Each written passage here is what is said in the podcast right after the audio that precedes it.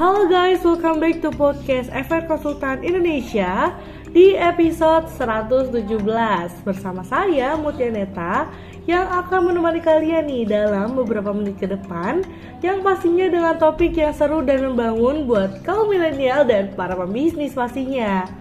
Are you ready to be a billionaire at the young age? Pastiin kamu dengerin sampai selesai ya. Kira-kira kita akan membahas apa ya? Yang pastinya yang seru dong. Kalian tahu nggak sih NVT itu ternyata sudah masuk loh dalam komponen aset bagi wajib pajak perorangan ataupun badan. Nah, saat ini kan kita tuh sudah masuk dalam era digitalisasi. Di mana dalam era ini tidak jarang investasi yang kita tanamkan bisa menjadi dalam bentuk NFT atau non fungible token sehingga jadi jika NVT ini wajib lapor pajak karena itu adalah juga salah satu aset bagi pemiliknya.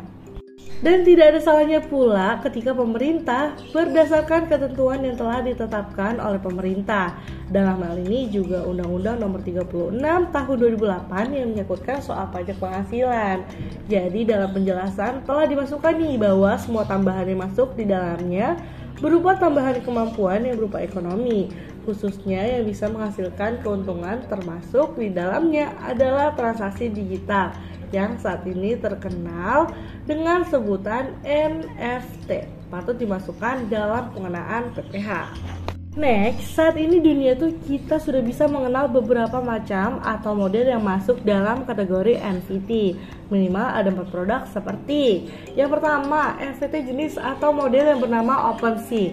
Secara teknik, OpenSea adalah berarti media yang biasa dipakai untuk digunakan penjual dalam menjual atau mempromosikan dagangannya agar bisa dibeli ataupun ditransaksikan oleh orang yang menghasilkan keuntungan. Jadi sistem dari OpenSea ini biasanya digunakan dengan memakai token IRC strip 1155 dan IRC strip 721. Jadi media yang digunakan oleh Gozali sehingga meresap uang miliaran. Yang kedua, NFT jenis atau model yang bernama Rarible.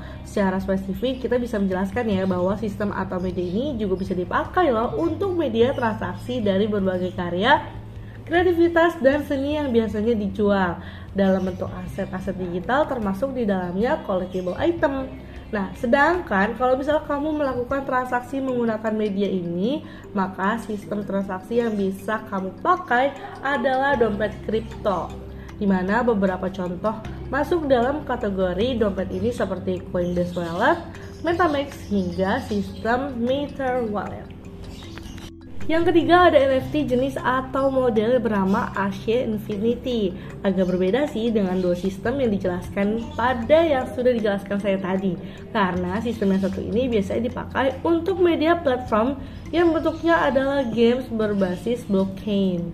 Nah, tetapi itu menariknya karena menariknya sistem ini mampu memiliki total dari transaksi yang biasa disebut trading bisa mencapai volume 2,1 miliar USD. Inilah yang membuat sistem yang satu ini menjadi begitu digemari oleh orang banyak.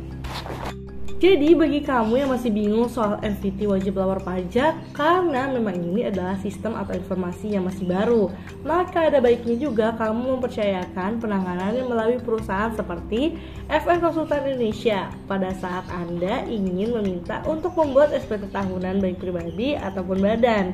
Karena alangkah baiknya jika hal itu dilakukan secara benar sehingga penghasilan kamu bisa mendapatkan bentuk aset digital bisa terus dikembangkan.